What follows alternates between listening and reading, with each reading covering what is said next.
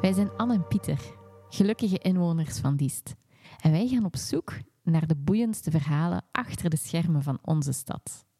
Daarvoor gaan we in gesprek met diverse mensen die een sterke connectie hebben met Diest.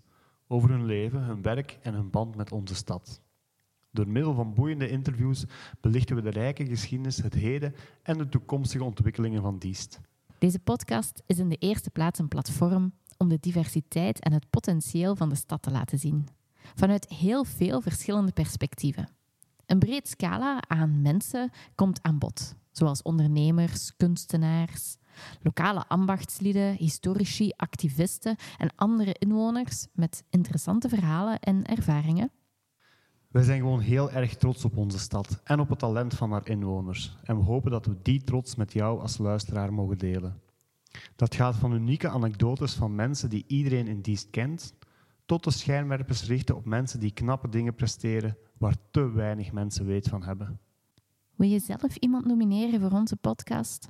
Stuur dan een mailtje naar podcastdiest.gmail.com. Welkom. Vanaf volgende week bij Diest achter de schermen.